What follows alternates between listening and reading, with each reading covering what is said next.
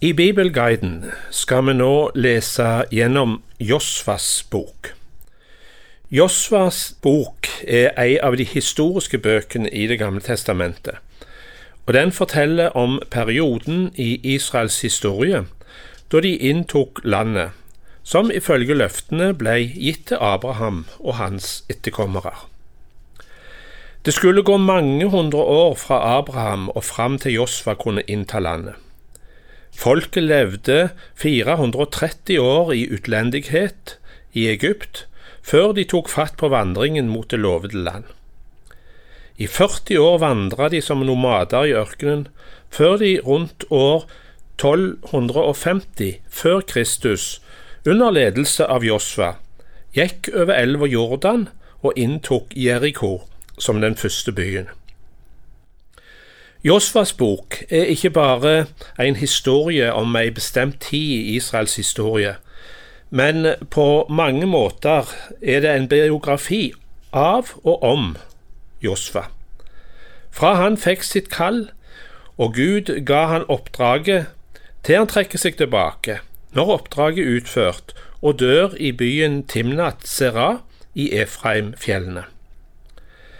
Men i denne historien, og innvevd i Guds handlinger med folk i denne tida, så ligger òg evangeliet fortalt. Det er ikke uten grunn at Josva og Jesus er det samme navnet.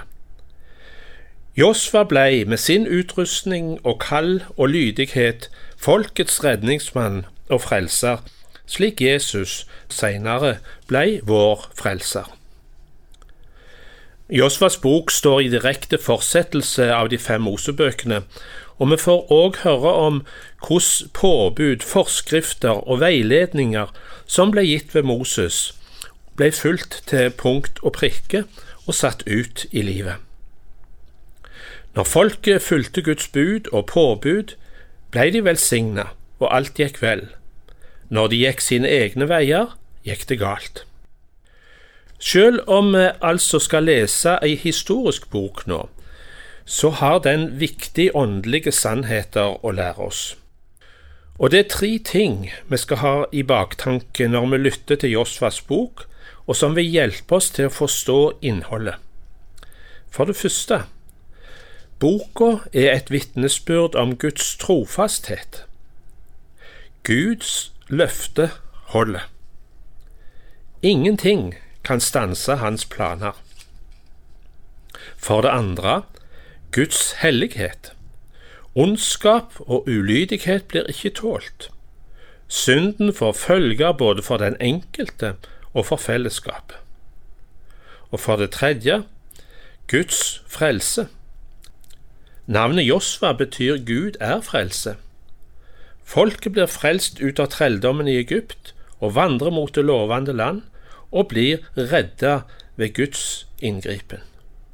Josva var en stor mann, men det var Gud som frelste. Frelsen kommer fra Gud. Vi skal nå høre det første avsnitt av Josvas bok, der Josva får fornya sitt kall og blir pålagt oppgaven å lede folket inn i landet. Allerede i Fjerde Mosebok, kapittel 27 og vers 18, så hører vi at Josva blir utvalgt til å være leder for folket under Moses.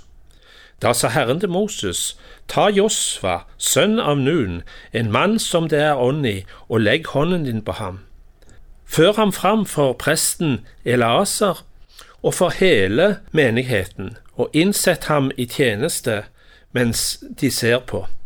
Gi ham noe av den makten du selv har, så hele Israels menighet adlyder ham.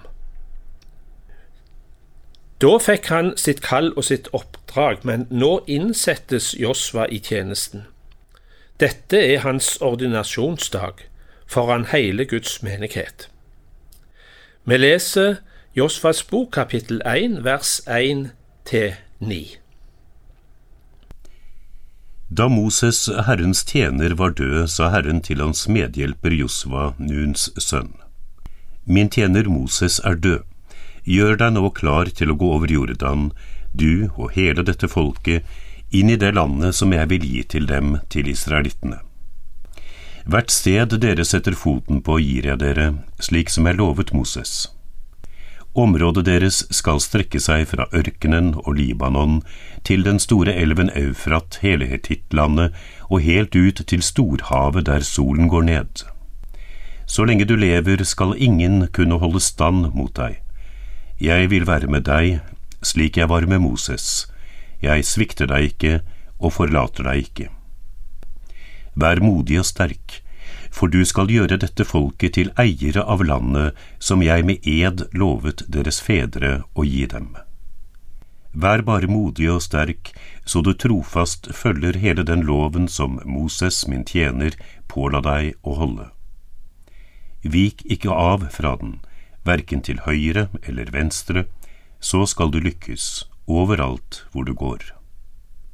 Denne loven skal du alltid ha på dine lepper Les fra lovboken dag og natt, så du trofast følger alt det som er skrevet i den. Da skal du ha fremgang der du ferdes, og alt skal lykkes for deg. Jeg har jo sagt deg, vær modig og sterk, la deg ikke skremme og mist ikke motet, for Herren din Gud er med deg overalt hvor du går. Nå var altså dagen kommet nå skulle Guds løfter til folket gå i oppfyllelse. Nå skulle de innta landet, men det ville kreve innsats av hele folket. Her var en strid å kjempe, et arbeid å utføre. Nå mobiliseres folket. Vi leser vers 10 og 11 i kapittel 1. Josva ga da folkets tilsynsmenn denne befalingen. Gå gjennom leiren og si til folket, gjør i stand forsyninger til reisen. For om tre dager skal dere gå over Jordan og innta det landet Herren deres Gud gir dere i eie. Det neste avsnitt, i versene 12 til 18, handler egentlig om å vise at hele folket står samla foran den store oppgaven. En del av folket, Rubens stamme, Gads stamme og halve Manasses stamme, hadde allerede fått tildelt land av Moses på østsida av Jordanelva. Forutsetningen var at eh, de ikke skulle bli tilbake der når Kanan-landet skulle inntas. Men mennene skulle dra ut i striden sammen med sine brødre fra de andre stammene. Nå blir dette stadfesta, og de avgir sitt troskapsløfte til Josva. Vi leser til slutt i dag Josva kapittel 1 vers 12 18. Til rubenittene, gadittene og halvparten av Manasses stamme sa Josva, husk hva Moses, Herrens tjener, påla dere da han sa, Herren deres Gud gir dere dette landet og lar dere finne hvile. Kvinnene og barna og buskapen skal bli igjen i det landet Moses har gitt dere på østsiden av Jordan. Men alle dere tapre krigere skal krysse Jordan fullt rustet og gå i spissen for brødrene deres og hjelpe dem. Først når Herren lar dem finne hvile slik som dere, og de har lagt under seg det landet Herren deres Gud vil gi dem, kan dere vende tilbake og innta deres eget land, det som Moses, Herrens tjener, har gitt dere på østsiden av Jordan, der solen står opp. Da svarte det Josva. Alt det du har befalt oss, skal vi gjøre, og hvor du enn sender oss, vil vi gå. Slik vi adlød Moses, vil vi adlyde deg. Måtte bare Herren din Gud være med deg, slik han var med Moses. Vær den som trosser deg og ikke hører på det du sier, hva du enn befaler ham, han skal dø. Vær bare modig og sterk.